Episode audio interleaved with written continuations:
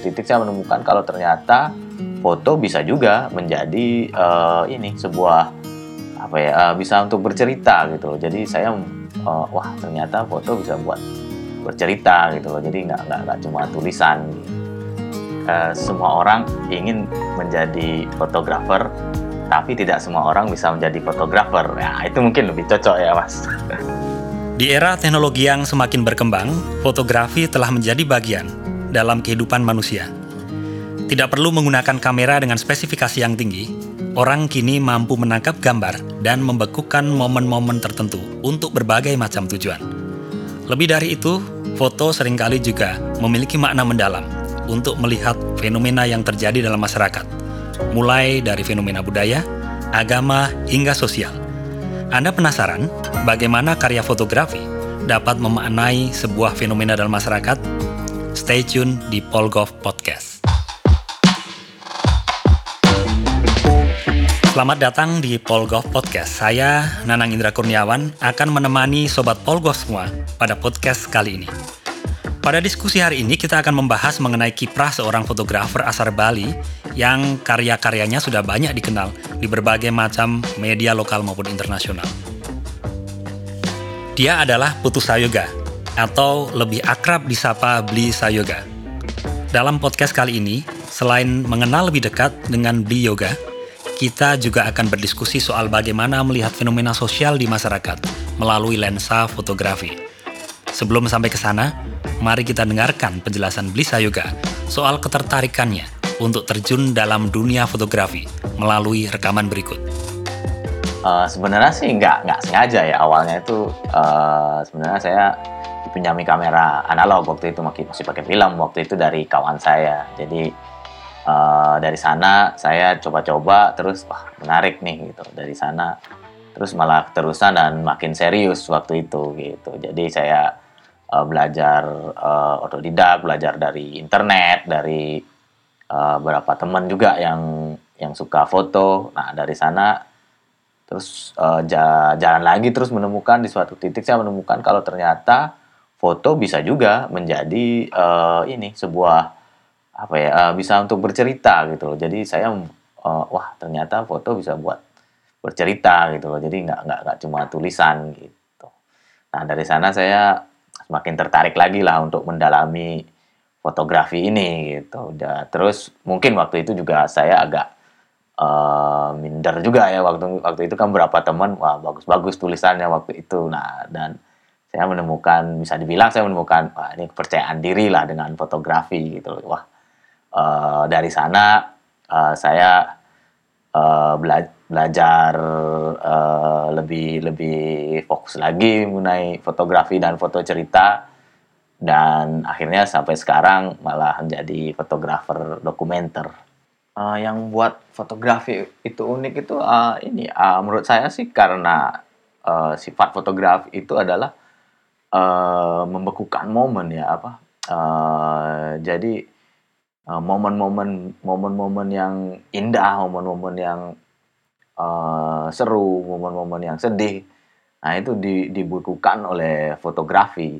Nah, itu kalau nanti dibuka mungkin 3, 4, 5 atau 10 tahun atau 100 tahun lagi itu akan menjadi sebuah uh, sebuah sejarah ya gitu loh. Walaupun mungkin bisa juga sejarah secara personal atau juga mungkin sejarah sebuah bangsa gitu. Jadi menurut saya uh, itulah kekuatan uh, fotografi itu gitu dan buktinya sekarang misalnya kayak Instagram itu misalnya ya masih base-nya basisnya masih foto dan oh, ada jutaan mungkin ada jutaan orang setiap hari mengupload foto-foto mereka di Instagram dulu album mungkin album mereka adalah dicetak ditaruh di uh, ini ya foto dicetak dan ditaruh di album ya. Kalau sekarang mungkin albumnya itu adalah Instagram gitu loh. Dan uh, bisa dilihat lagi kan misalnya uh, mundur ke belakang atau nah itu uh, bisa dilihat mundur ke belakang lagi uh, secara online gitu.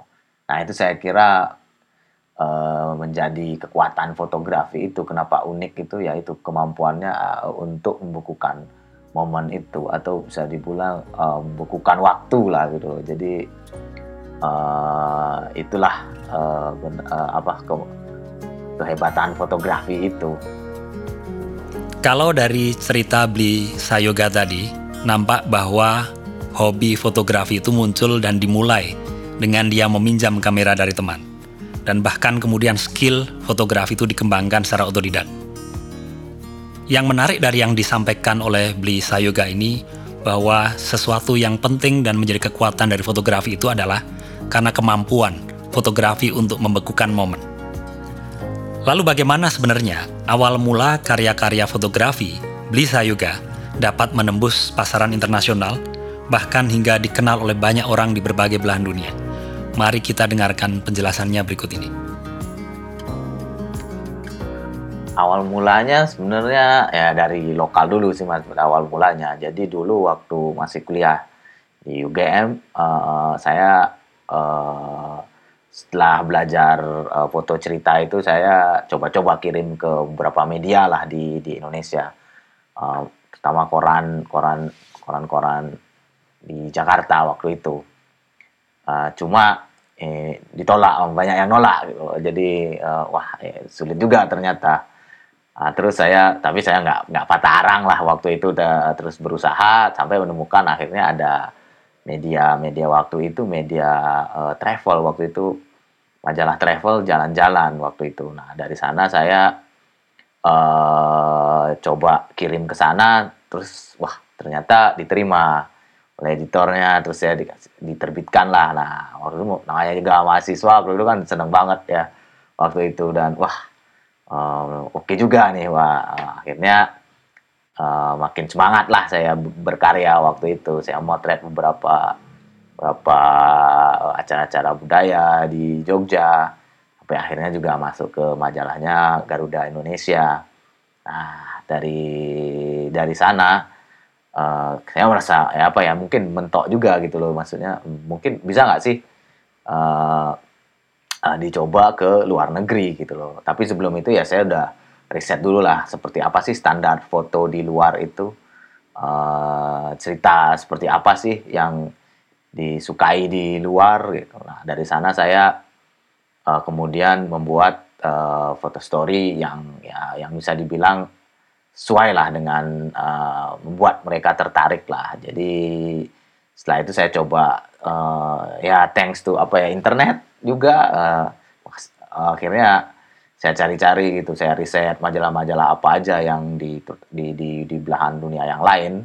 Uh, saya akhirnya menemukan uh, waktu itu LinkedIn gitu. Saya dari sana saya banyak menemukan oh ternyata editornya ini, editor ini.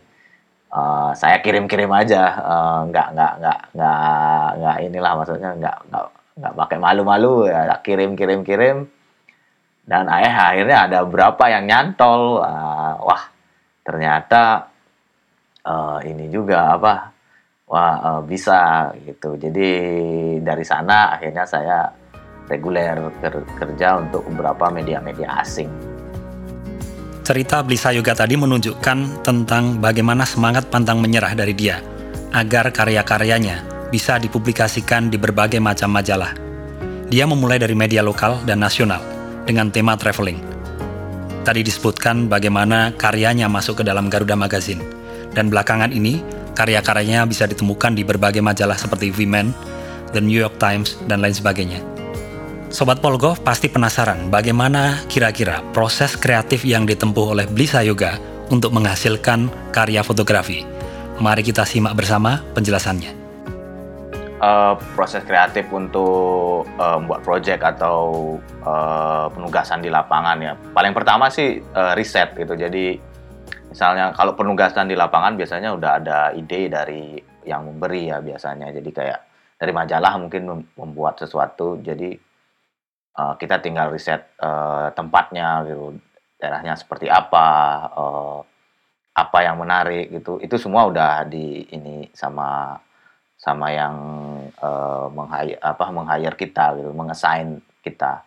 Nah, kalau untuk project personal biasanya itu yang karena kita sendiri yang menentukan kan mau membuat apa. Ya dari awal ya itu dari awal sih riset dulu riset mengenai tema-tema apa yang uh, mau dikerjakan.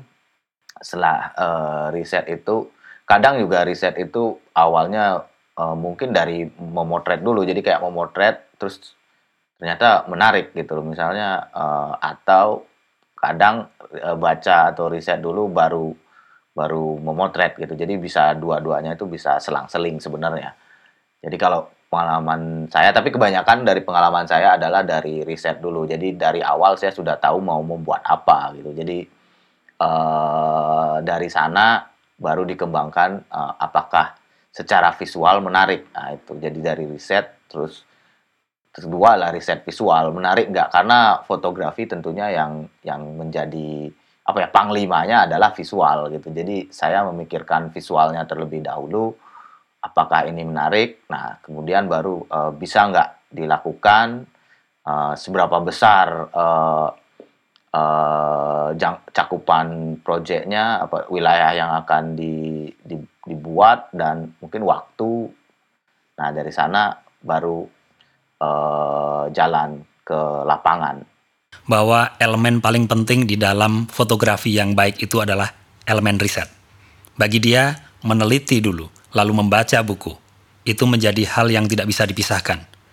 Bagi dia, mencari ide melalui riset dan membaca akan membantu dia untuk menerjemahkan gagasan secara visual ke dalam gambar. Selanjutnya kita akan mencoba mendalami dan mengeksplorasi dari Blisa Yoga.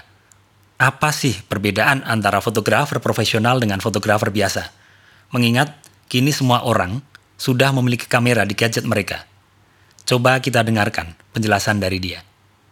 Uh, uh, semua orang ingin menjadi fotografer, tapi tidak semua orang bisa menjadi fotografer. Ya, itu mungkin lebih cocok ya, Mas.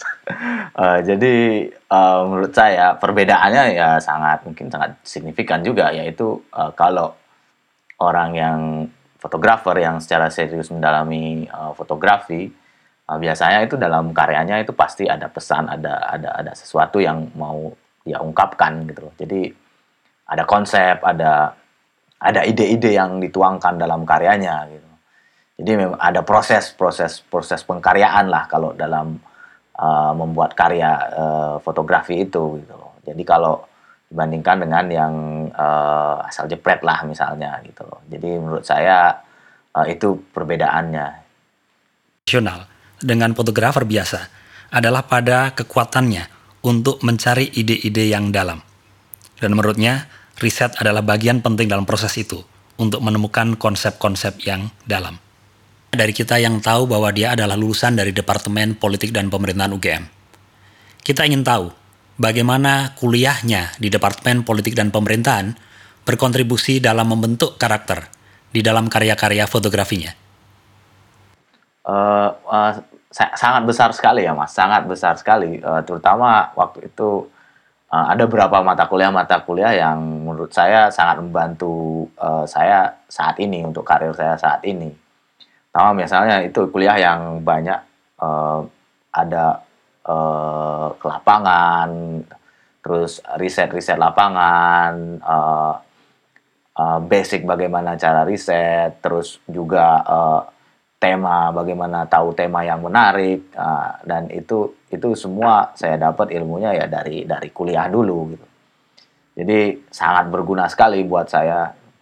Selain itu juga uh, dari kuliah juga dari teman-teman juga saya dapat banyak juga uh, ilmu gitu. Ada berapa teman yang sekarang jadi ilmuwan politik, ada jadi peneliti, ada ada yang jadi wartawan juga gitu loh. Jadi dari sana saya juga mendapat banyak uh, ilmu gitu, dan juga banyak uh, masukan-masukan yang berharga untuk karir saya gitu. A ataupun juga ketika saya uh, membuat project gitu loh. Jadi ada ada ada ada teman, ada ini yang bisa untuk share ide gitu. Jadi ide kan penting sekali untuk seorang uh, fotografer dokumenter ya gitu. Jadi uh, ide-ide itu biasanya banyak juga berasal dari dari teman dan dari malah dari dulu waktu kuliah-kuliah dulu uh, banyak muncul ide-ide yang saya kerjakan saat ini. Salah satu contohnya uh, skripsi saya itu uh, waktu dulu adalah mengenai uh, over development ya apa tentang politik ruang di di Bali di Bali Selatan. Nah itu saya kembangkan menjadi sebuah foto story, sebuah proyek dokumenter panjang. Uh, saya kerjakan itu uh, itu karena merasa wah saya kalau tulisan skripsi kayaknya kurang kurang abdol buat saya jadi saya kerjakanlah itu mungkin tiga selama tiga empat tahun saya mengerjakan uh, project uh, bagaimana turisme menyebabkan open development di Bali Selatan gitu jadi uh, sangat sangat sangat uh, berpengaruh besar sih uh, kuliah dulu bagi saya. Cerita Blisa Yoga tadi menunjukkan kepada kita bahwa kuliah di Departemen Politik dan Pemerintahan telah memberinya berbagai macam inspirasi tema dalam karya-karya fotografinya. Kuliah di DPP juga telah membantu dia untuk mengembangkan jejaring dengan berbagai peneliti. Dan tentu ini membantu dia untuk mengembangkan skill dan kemampuan untuk melakukan riset sebelum fotografi itu dilakukan. Paparan yang tadi sudah didiskusikan dengan Blisa Yoga menunjukkan kepada kita bahwa fotografi merupakan sebuah proses yang sangat kreatif. Di dalamnya melibatkan proses riset, di dalamnya melibatkan proses eksperimentasi, dan di dalamnya juga melibatkan proses perenungan tentang bagaimana mengolah karya-karya yang baik. Tidak terasa kita sudah sampai di akhir acara Polgov Podcast. Semoga ilmu dan motivasi yang kita dapatkan dari Blisa Yoga hari ini dapat bermanfaat bagi Sobat Polgo semua di rumah. Jangan lupa untuk tetap terhubung bersama kami, entah melalui Facebook, YouTube, Instagram, Twitter, dan yang terbaru adalah TikTok at DPP atau Departemen Politik dan Pemerintahan UGM. Saya, Nanang Indra Kurniawan, pamit undur diri. Sampai jumpa.